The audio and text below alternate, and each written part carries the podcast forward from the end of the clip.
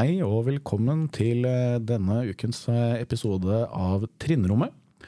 Nå har vi nettopp vært tilbake igjen fra en eh, overnattingstur og skal snakke litt om hvordan det har vært med den siste tiden på ungdomsskolen for åttende trinn. Og Katrine, hvordan er det å være i A-klassen om dagen? Jo, det er mye liv og stemning. Vi har det veldig fint.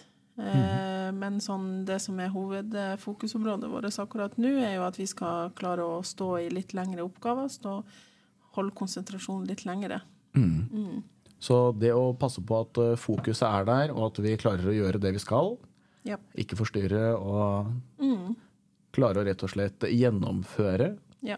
ting. Ja. Og det ser vi jo at det går jo mye bedre når vi klarer å variere undervisninga litt, da. ja. Mm. Så det er litt vi lærere som må passe på litt og jobbe med oss, og så må elevene gjøre det samme. Ja. Og i B-klassen, Lars?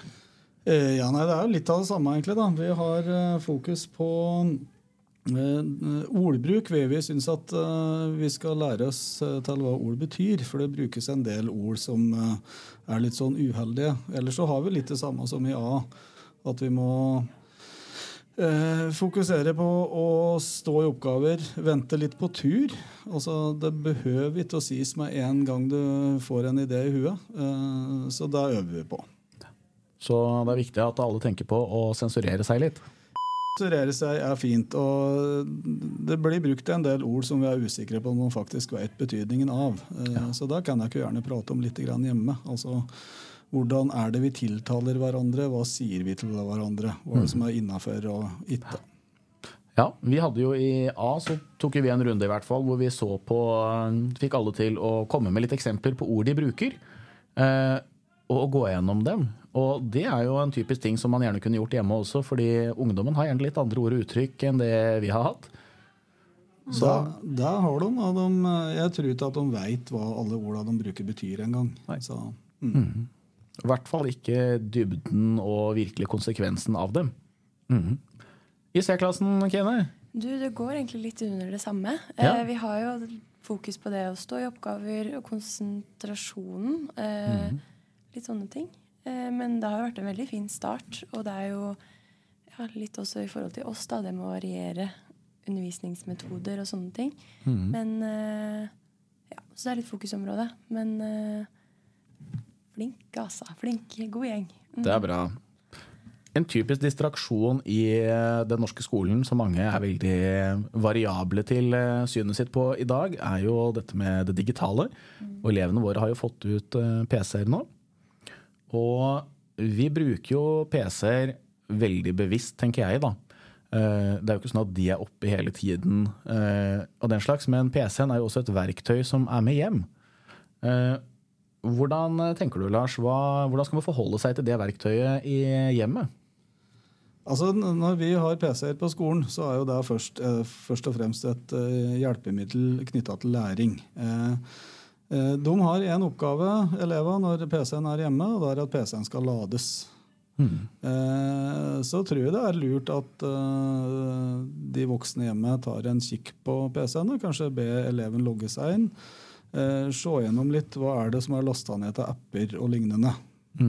For eh, det skal egentlig ikke lastes ned noen apper. Det vi har sagt noe om, er at det går an å ha eh, musikk som kan spilles trådløst på skolen. Mm. Det er en app. Men hvis det er sånne ting som eh, er spillrelaterte, så kan dere gjerne fjerne det. For eh, vi har vel oppdaga at noen eh, bruker PC-en til det de helst ikke skal, også eh, så tidlig egentlig i skoleløpet. Mm. og da tar vi en liten prat om det. Ja. Og det er det lurt å gjøre hjemme også, for den PC-en er et skriveverktøy og et læringsverktøy, først og fremst. Og da, bare for å um, klargjøre litt, uh, når du sier trådløst i forhold til musikken, så mener du at de ikke trenger å være på nett, ikke det at de må ha trådløse hodetelefoner? Det er bare en lur spesifikasjon. altså at de eh, skal kunne spille det fra eh, lokalt på PC-en, altså ikke bruke av eh, båndbredden på skolen da, Ja. eh, når de skal lytte til musikk i timen. Veldig, veldig bra. Så egentlig bare passe på at PC-en er ladet, og huske å være med inn der og ta en titt. Da er det jo sånn at eh, på PC nå så er det jo et viktig redskap som vi har i forhold til bruk av lekser, for der ligger jo læringsplanen. Jepp. Vi har jo det som vi kaller OneNote, og der inne legger vi ut eh, læringsplan for elevene. Og den er jo da dynamisk, sånn at eh, vi legger jo ut eh, lekser og sånt innimellom. Eh, prøver jo å få lagt det opp eh, så fort som mulig uka starter. Men hvis det kommer noe underveis, så gir vi jo beskjed i god tid, da. Så det er ingenting som skal være overraskende, da. Nei, det er jo veldig, veldig bra. Så, men det innebærer jo at det kan skje litt i læringsplanen. Ja. Ja. Mm. Hvor er det man finner sånt noe OneNote? Hva er det for noe? Det er jo en app som ligger på, på, eh, på PC-en deres. Mm. Ja. Og da kommer den av seg selv. Du finner den på skrivebordet, eller så kan du søke på den, så du får den opp. Og alle elevene har blitt lært opp i hvordan de skal finne fram og bruke dette. Ja.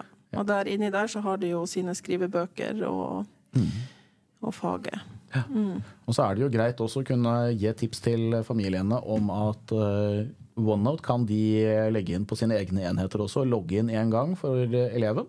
Så kan de få samme oppdateringene der òg hvis de ønsker det å abonnere på den boka. Ja. Så det kan være lurt. Mhm. Og vi var jo, som vi sa innledningsvis, nettopp kommet tilbake igjen fra en eh, overnattingstur. Vi har vært på. Næra. Ja. Hvordan var det? Det Flere enn meg som har sovet godt? ja, faktisk. Det var veldig trivelig. Ja. Ja. Ja, vi har hatt med oss en eh, veldig positiv gjeng som eh, er eh, sosiale, på godt og vondt. Mest på godt.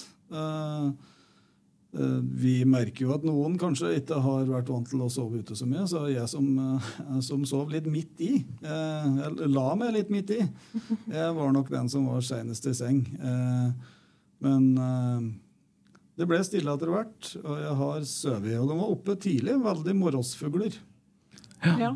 Aktivitet på eh, beachvolleyballbanen fra ca. klokka halv sju om morgenen. Det syns jeg er sprekt.